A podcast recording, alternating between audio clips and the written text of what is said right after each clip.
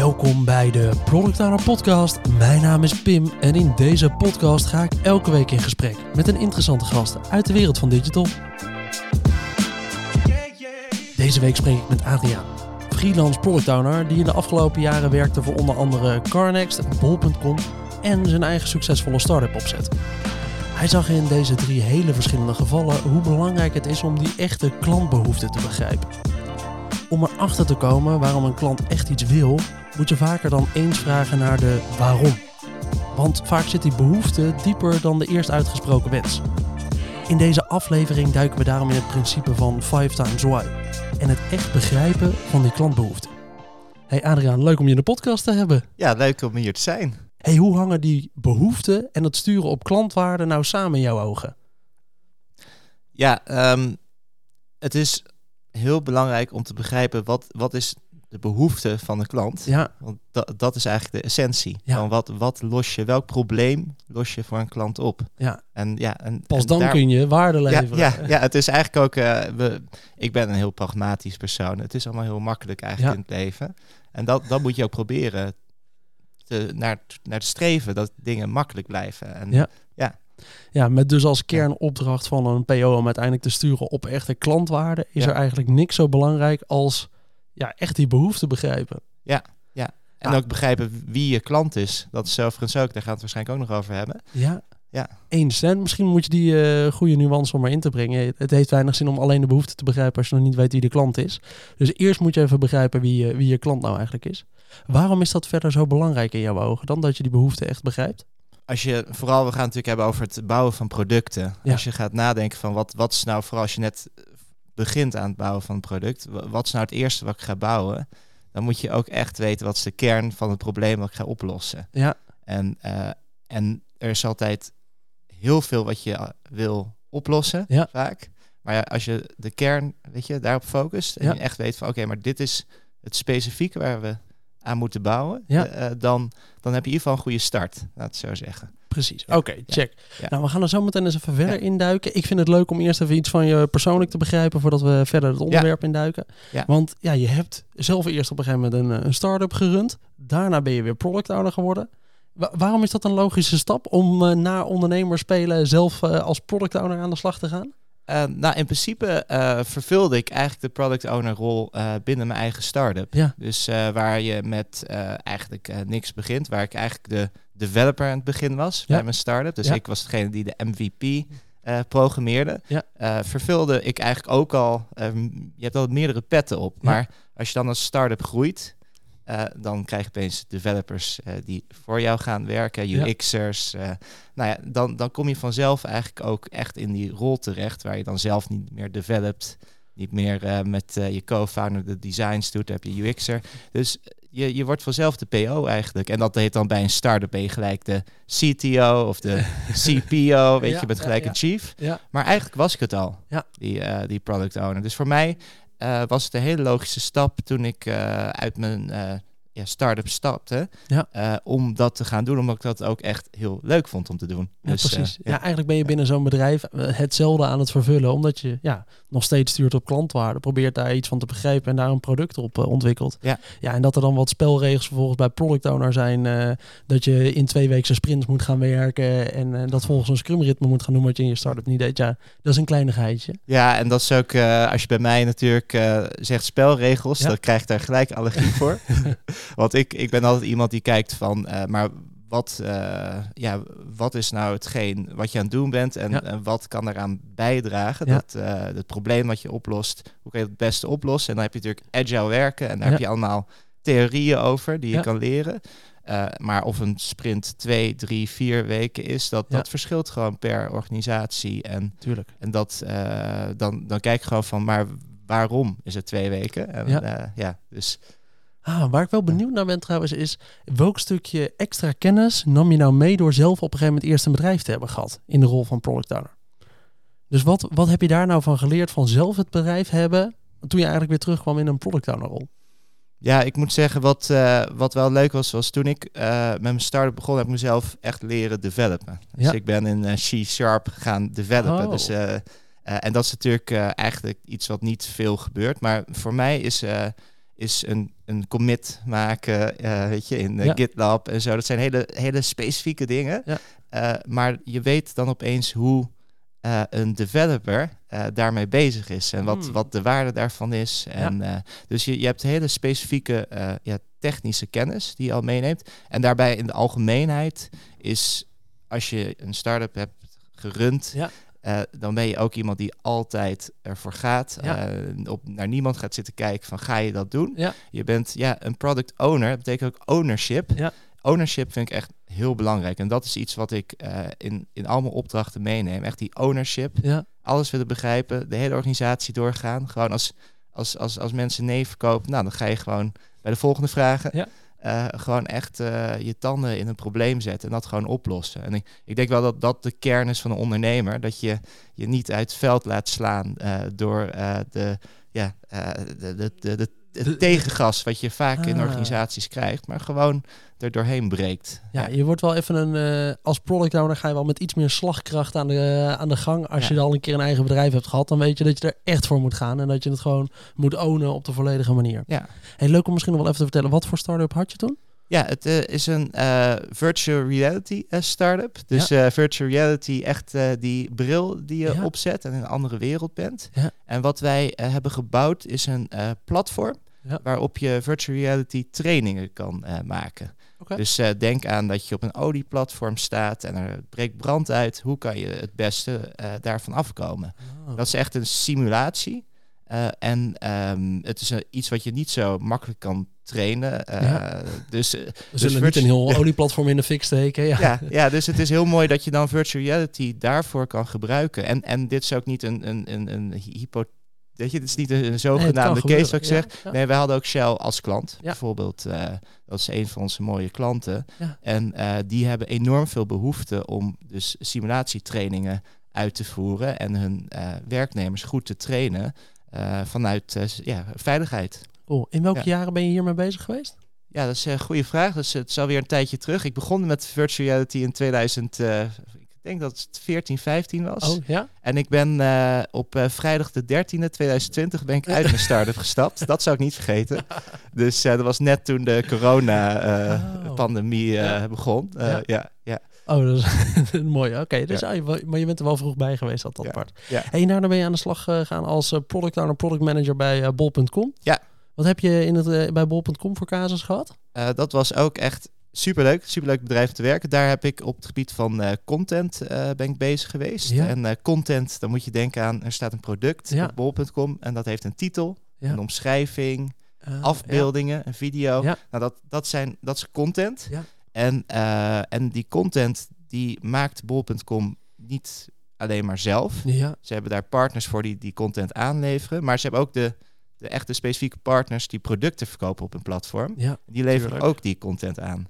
En eh, daarachter zitten allerlei eh, applicaties en services. En eh, daar was ik voor verantwoordelijk. Oh, kijk, oh, dat is wel een mooie. Ja. Hey, en daarna Carnext. En dan gaan we even naar het hoofdonderwerp toe. Want ik denk dat het Ja. leuk is om even een beeld te hebben van die bedrijven. Want dat gaat zo Ja. meteen een goed beeld geven als we verder die eh, klantbehoeften in gaan duiken. Carnext, dat is je huidige opdracht waar je nu zit. Ja, Wat zeker. zijn ze daar aan het doen en wat mag jij daar doen? Ja, eh, nou toen ik daar startte eh, kwam ik op een eh monolith systeem terecht. Een heel erg Oh. breed systeem. Ja. Enerzijds, dat systeem was verantwoordelijk voor het distribueren van de auto's op al de platforms, op de marktplaatsen. Ja, In een dertigtal landen overigens, dus veel landen. ja, ook weer op contentgebied, dus belangrijk, van, dat alles goed staat als je dat verspreidt en ook op je eigen website plaatst.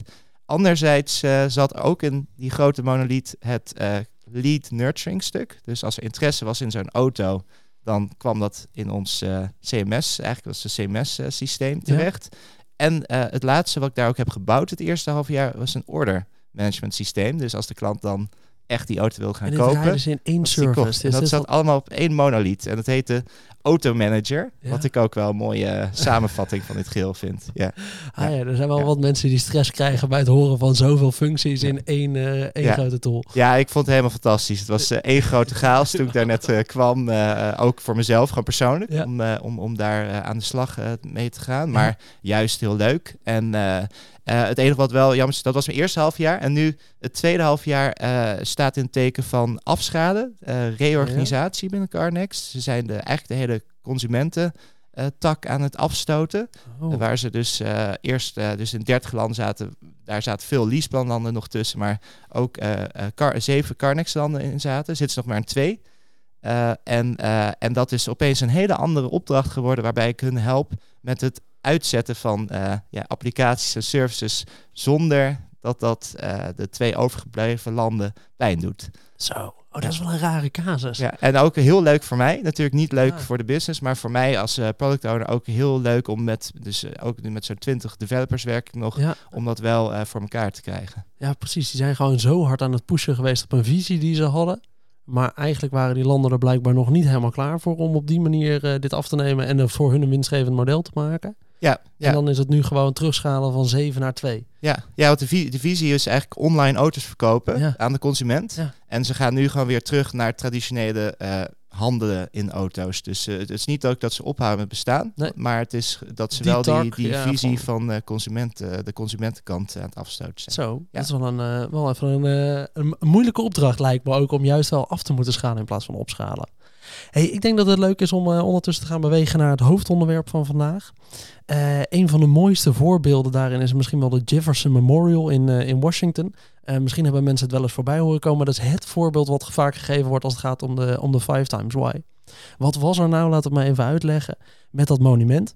Ze kwamen er eigenlijk achter dat dat steen vaak beschadigd was. En dat zorgde dat ze die plek vaak moesten afsluiten, dat er geen bezoekers konden komen. En moest het gerepareerd worden, dat was vrij duur. Op een gegeven moment zijn ze, kwamen ze op het punt dat die reparaties zo duur werden, dat ze zeiden, ja, eigenlijk kunnen we dat niet meer doen. Nou, toen zijn er wat mensen gaan zoeken naar, ze noemen dat dan root cause analysis, dus ontdekken wat nou de echte oorzaak is. Wat ze ontdekten is dat dat steen eigenlijk beschadigd raakte doordat het met hoge drukreinigers elke twee weken werd schoongemaakt. Elke twee weken stonden er mensen dat hele monument af te sproeien. Dat beschadigde die oude stenen juist. Waarom moest dat ding elke twee weken afgesproeid worden, werd gevraagd. Nou ja, dat was omdat er veel vogelpoep op zat. En ja, vogelpoep op een monument ziet er niet uit, dus dat moest schoongesproeid worden. Oké, en toen vroeg iemand eh, waarom... Oh nee, toen hebben ze eerst een oplossing bedacht daarvoor. Vogelnetten opgehangen. Dus proberen die vogels weg te houden. Nou kwamen we erachter dat dat niet werkte. Die vogels gingen er toch wel weer langs. Toen stelde iemand nog eens de vraag. Ja, maar waarom komen die vogels daar dan? Ja, die eten die spinnen op, want er zitten overal spinnen in dat monument. Oké, waarom zitten daar veel spinnen? Ja, dat is omdat daar heel veel insecten zitten in de nacht en die spinnen eten die insecten weer op. Oké, maar waarom zitten er zoveel insecten op dit monument dan? Nou, en wat bleek, dat, dat kwam omdat er zoveel verlichting op stond s'nachts, dat dat al die beesten aantrok. Wat bleek uiteindelijk de oplossing voor dit hele geheel? Die verlichting s'nachts een hele periode uitzetten. Dat zorgde dat er minder insecten op zaten, dat zorgde dat er minder spinnen op afkwamen en daarmee minder vogels. En in één keer hoefden ze dat beeld niet meer elke keer, of dat eh, monument niet meer elke twee weken af te sproeien. En blijft dat steen veel beter. Nou, dit is een, een, van de meest bekende voorbeelden in de categorie eh, Five Times Why. Waarin het echt blijkt dat ja, je had wel een oplossing kunnen vinden voor weer die stenen repareren of stoppen met sproeien. Maar uiteindelijk bleek het te liggen aan dat die lampen elke nacht gewoon aanstonden. Nou, ik vind hem zelf echt. eh, Ja, fantastisch voorbeeld. Ja, Ja, ik hem ik kende, vind- ja. ja.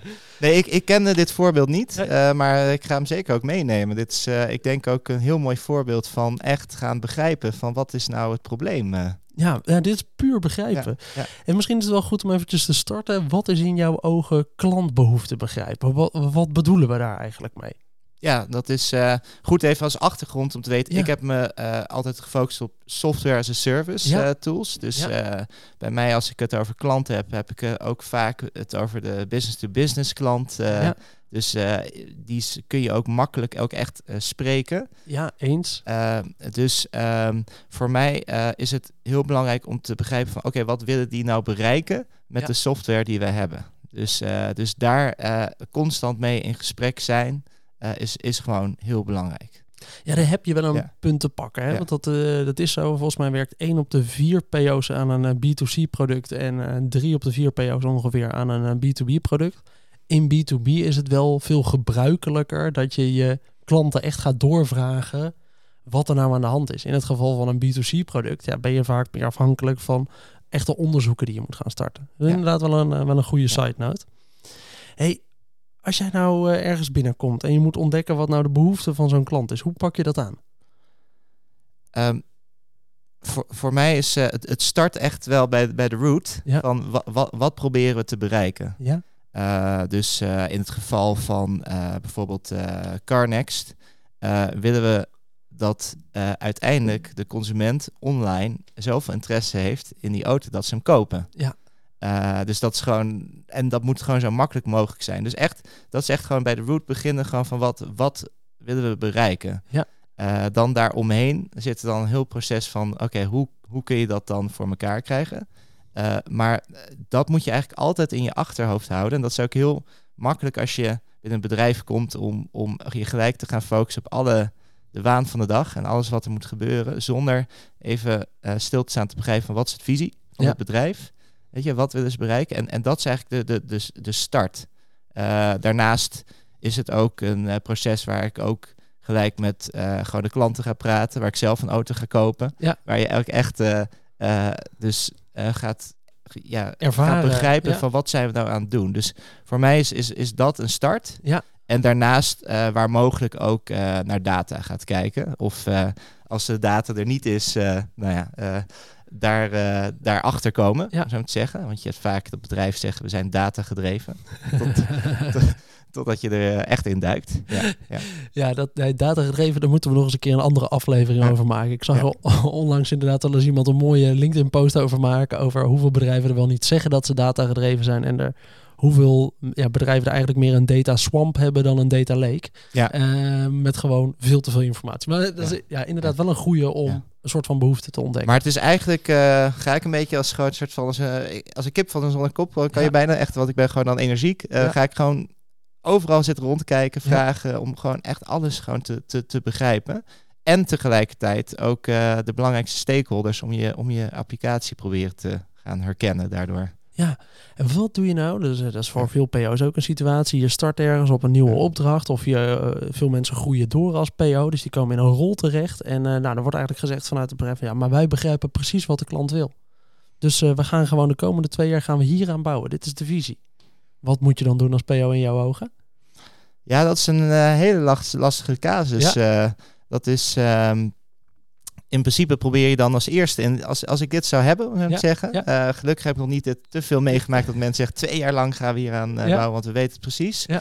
Eh, is begrijpen wat hebben ze dan gedaan om het zo goed te weten. Ja. Dus wat weet je, wat, wat voor een data zit hierachter? Wat voor klantgesprekken zijn er? Onderzoeken geweest. Dus, dus dat, dat zou wel zijn om überhaupt gewoon te begrijpen van zou je deze, eh, ja, in mijn optiek eh, kun je niet twee jaar lang vooruitkijken, Nee. maar zou je dit ook een beetje onderbouwd kunnen challengen, Ja. laten we zo zeggen. Goeie, goede eerste Ja, actie. dus gewoon niet- eens even vragen, Ja, waar komt die gedachte dan vandaan waar we nu op sturen? Ja. En hebben we gewoon besloten dat dat gewoon de beste is. Dat is wat onze klanten willen. Ik bedoel, dat is wat onze klanten willen. Ja, ik zou daarbij altijd inderdaad zorgen dat bijna elk bedrijf heeft wel iets in plaats om eens een keer een klant te spreken. Al is het met de account manager mee als je in B2B zit. Al is het inderdaad een hotjar survey op je website zetten als je in B2C zit.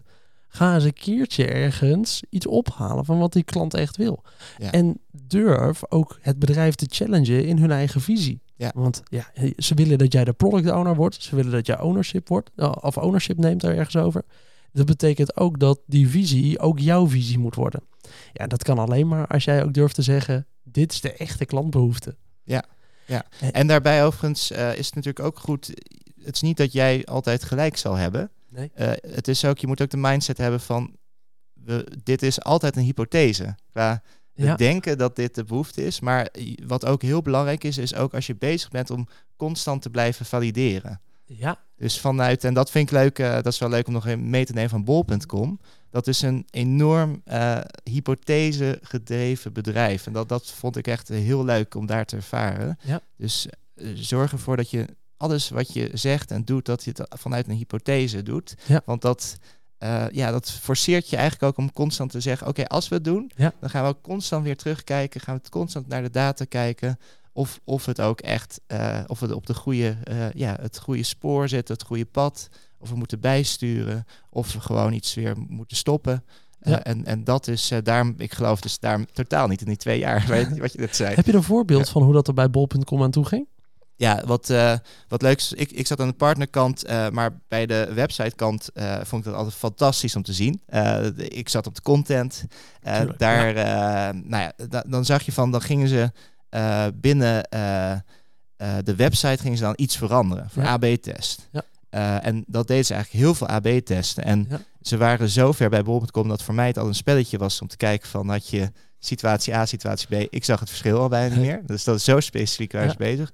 Maar dat ze bij alles dan zeiden van oké, als we nu die button wat kleiner maken of als we nu bepaalde content uh, wel al zichtbaar maken, zichtbaar maken voor toon meer. Ja. Weet je, uh, wat is het effect ervan? En kunnen we dat ook echt, uh, weet je, uh, valideren? Kunnen we dat ook echt aantonen dat dat daardoor uh, verandert? Ja. En ja, dat, dat vond ik echt heel, heel interessant om te zien.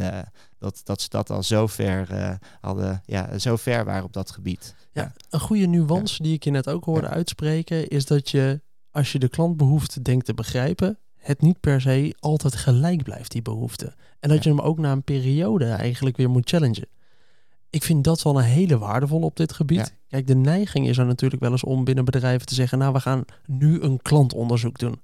In één keer wordt daar geld gestoken in een klantonderzoek. Er worden een paar honderd uh, klanten geïnterviewd of uh, een enquête afgenomen. Er worden bij tien wordt een interview afgenomen.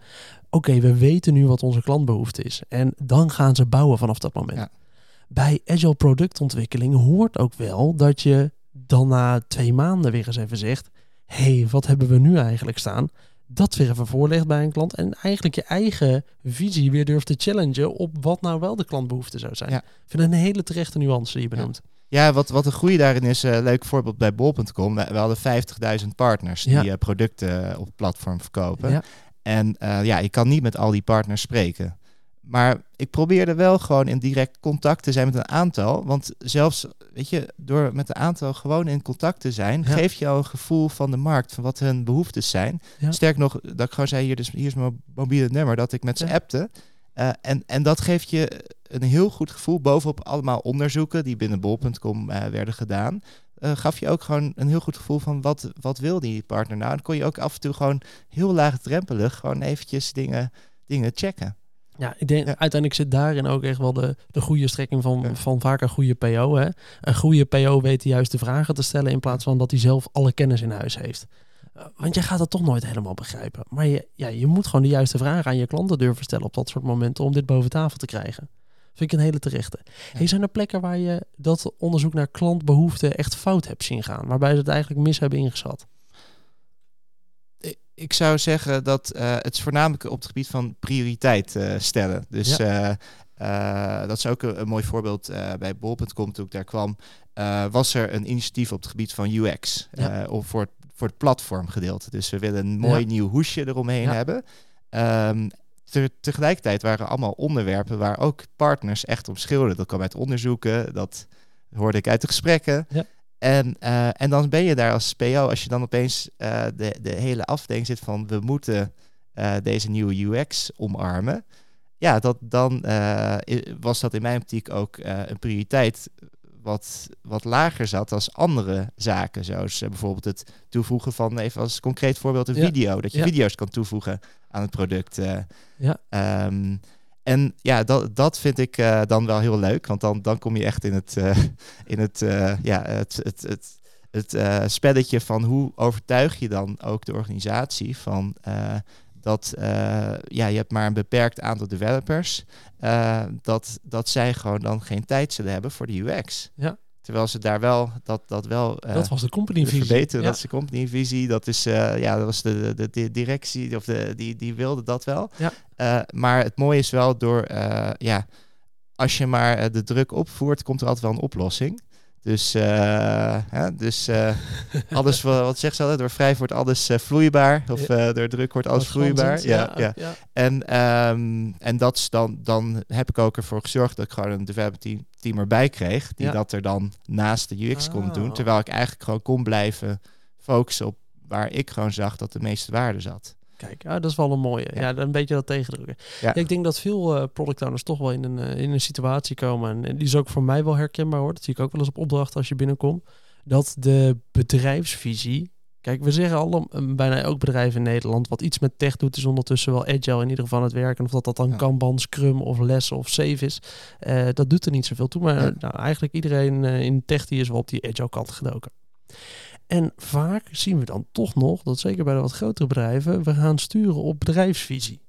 Maar waar wordt bedrijfsvisie op gevormd? Ja, misschien eh, op een paar klanteninterviews of een paar klantbezoeken. Maar verder gaat het met name om de boardroom die zegt... nee, maar de markt gaat die kant op bewegen en we gaan die kant op bewegen. En ja, als PO heb je echt wel de rol om ook daarin wel te durven challengen. Ja. Ja. we gaan rekening houden met de bedrijfsvisie die er is. Maar inderdaad, van de klanten hoor ik af dat we echt video's moeten kunnen toevoegen. Dat is op dit moment veel belangrijker voor hun dan dat het er gaaf uitziet. Ja. En dat is wel eventjes iets wat, eh, wat ik denk belangrijk is om eh, als PO te begrijpen in die categorie. eh, wat is de echte klantbehoefte?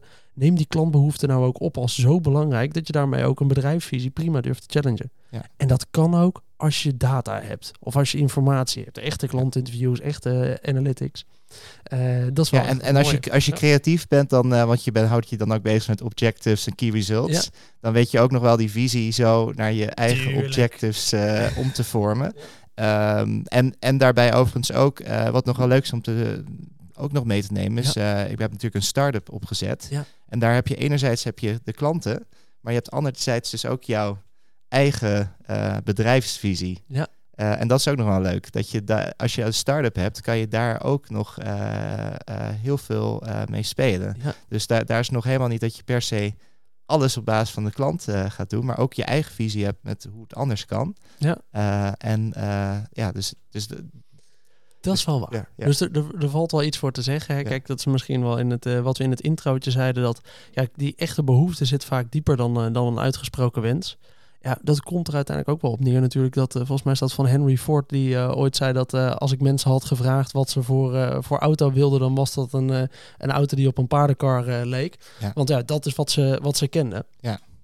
Ja, uiteindelijk ga je, eh, ga je bij je klant, ga je de eerste behoefte die ze benoemen, is vaak niet per se de oplossing die ze zoeken. Ik denk dat het nog Ja. wel leuk is om daar wat verder in te gaan. Ja. Heb je daar ervaring mee dat een klant zei, ja, we moeten eh, hier, een, hier een pagina voor hebben? Ja, maar waarom moet je daar een pagina voor hebben? Ja, omdat dit eh, ergens verstopt staat. Oh, oké, waarom staat dat daar verstopt? Ja. Heb je daar een goede ervaring ergens mee? Eh, nou ja, je, je hebt natuurlijk eh, aan één stuk door krijg je klanten eh, bij je, ja, vooral ook bij grote bedrijven zijn stakeholders Ja. vaak. Dus in mijn geval bij Carnex heb je dan bijvoorbeeld de, de, de, de landenmanagers die Ja. dan aan je deur staan en zeggen, joh, we hebben iets nodig.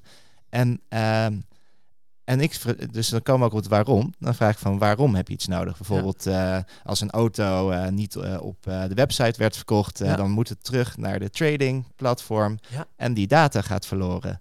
Want dat moet weer opnieuw worden toegevoegd. Eh, dat, dat, dat dan op zich valide. Ja. Goed punt. Weet je, dus, eh, dat is waste. Weet je, dan moet je weer opnieuw eh, die auto gaan verrijken op dat trading, trading platform. Ja. Maar dan vraag ik, oké, maar eh, ja, waarom is dat dan een probleem? Weet je, en dat, dat kan heel irritant zijn Ja. voor, voor zo'n landenmanager. Dus, ja, maar dat kost iemand heel veel tijd. Maar hoeveel tijd kost dat die persoon? En, en echt erop gaan, gaan, gaan zagen van...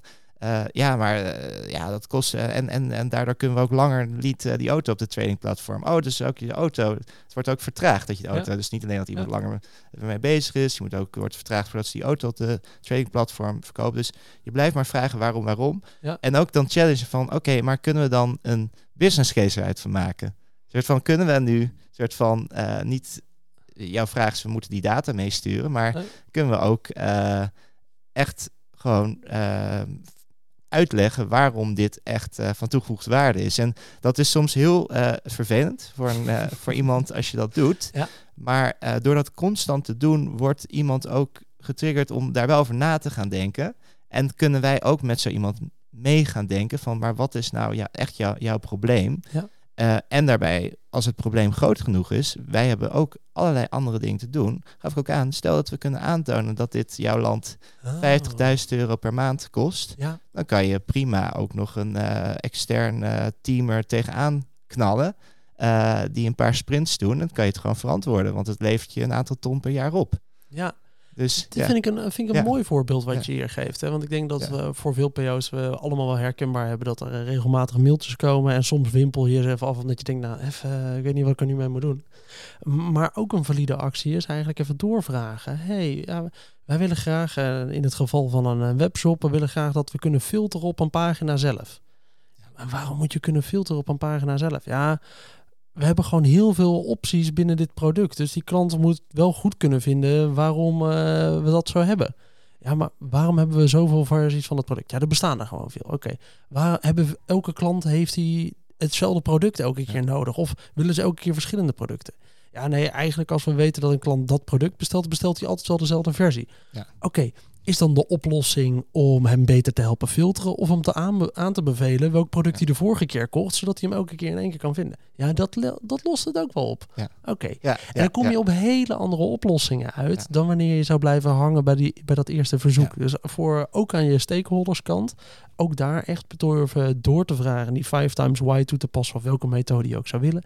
Eh, dat kan een hoop helpen. Ja, zeker. En, en wat ook nog goed is, is stel zelfs nu bij jouw Ja. voorbeeld dat je denkt van oké, dit is de oplossing. Om toch ook weer, als je het hebt eh, geïmplementeerd, om te ook te kijken van kunnen we het MVP heel erg klein implementeren. En, en kunnen we ook daarna terugkijken van of het ook heeft opgeleverd wat het is. Want dat wordt 9 van de 10 keer ook nog vergeten. Ja. Dus eh, Daar hebben we eerder wel eens een aflevering inderdaad Ja. over gemaakt. Over dat we als PO soms wel eens de neiging hebben om heel erg te focussen op die oplossing. Op een gegeven moment leveren, oplossing geleverd, door naar het volgende. In plaats van Ja. af en toe eventjes, zes weken later, terug te blikken. Hé, hey, wat blijkt nu uit die analyse? Hebben we hiermee het probleem nou opgelost? En zijn we daar nou mee verder gegaan?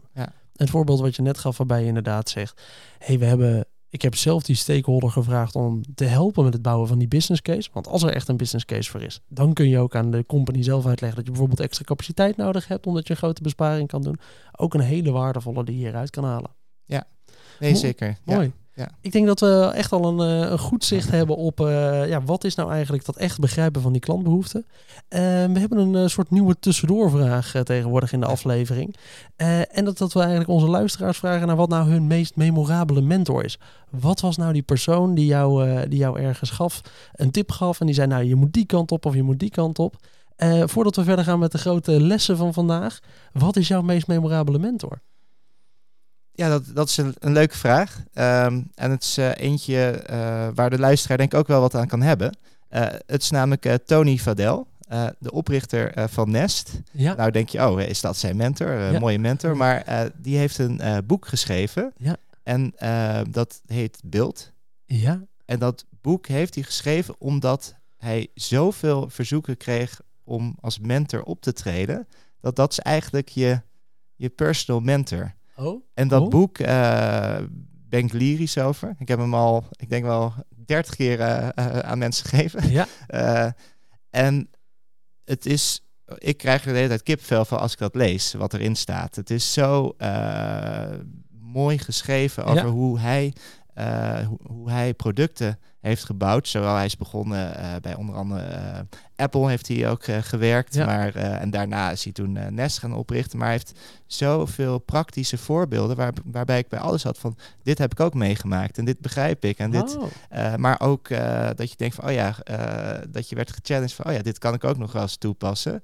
Eh, en dan natuurlijk niet op het Amerikaanse grote niveau als dat hij dat allemaal heeft meegemaakt. Maar, maar voor mij heel, eh, heel waardevol. Oh, wat goed. Ja. Oh, dat is een leuke, leuke om eventjes... Nog één keer, het boek heet Heet eh, Beeld van eh, Tony Vadel. Tony Vadel. Oké, en Nest is dus uiteindelijk dat bedrijf wat is verkocht aan Google, toch? Ja, ja. Nest is van de deurbellen, van de deurbel van Ring en eh, de ja, ja, van, van het brandalarm. brandalarm inderdaad. het leuke ook is dat ik zelf dat brandalarm in huis heb. Ja. En nog voordat ik dit boek ging lezen. Oh, kijk. En toen hij er ook over schreef, was ook precies die emotie van veiligheid. En dat je s'nachts dat een brandalarm afgaat als je Ja. kinderen hebt. Ik heb Ja. twee, twee zoons. Ja. Veiligheid is dan zo belangrijk opeens, dat je dan gewoon een heel goed eh, brandalarmproduct Oh, wil mooi. hebben.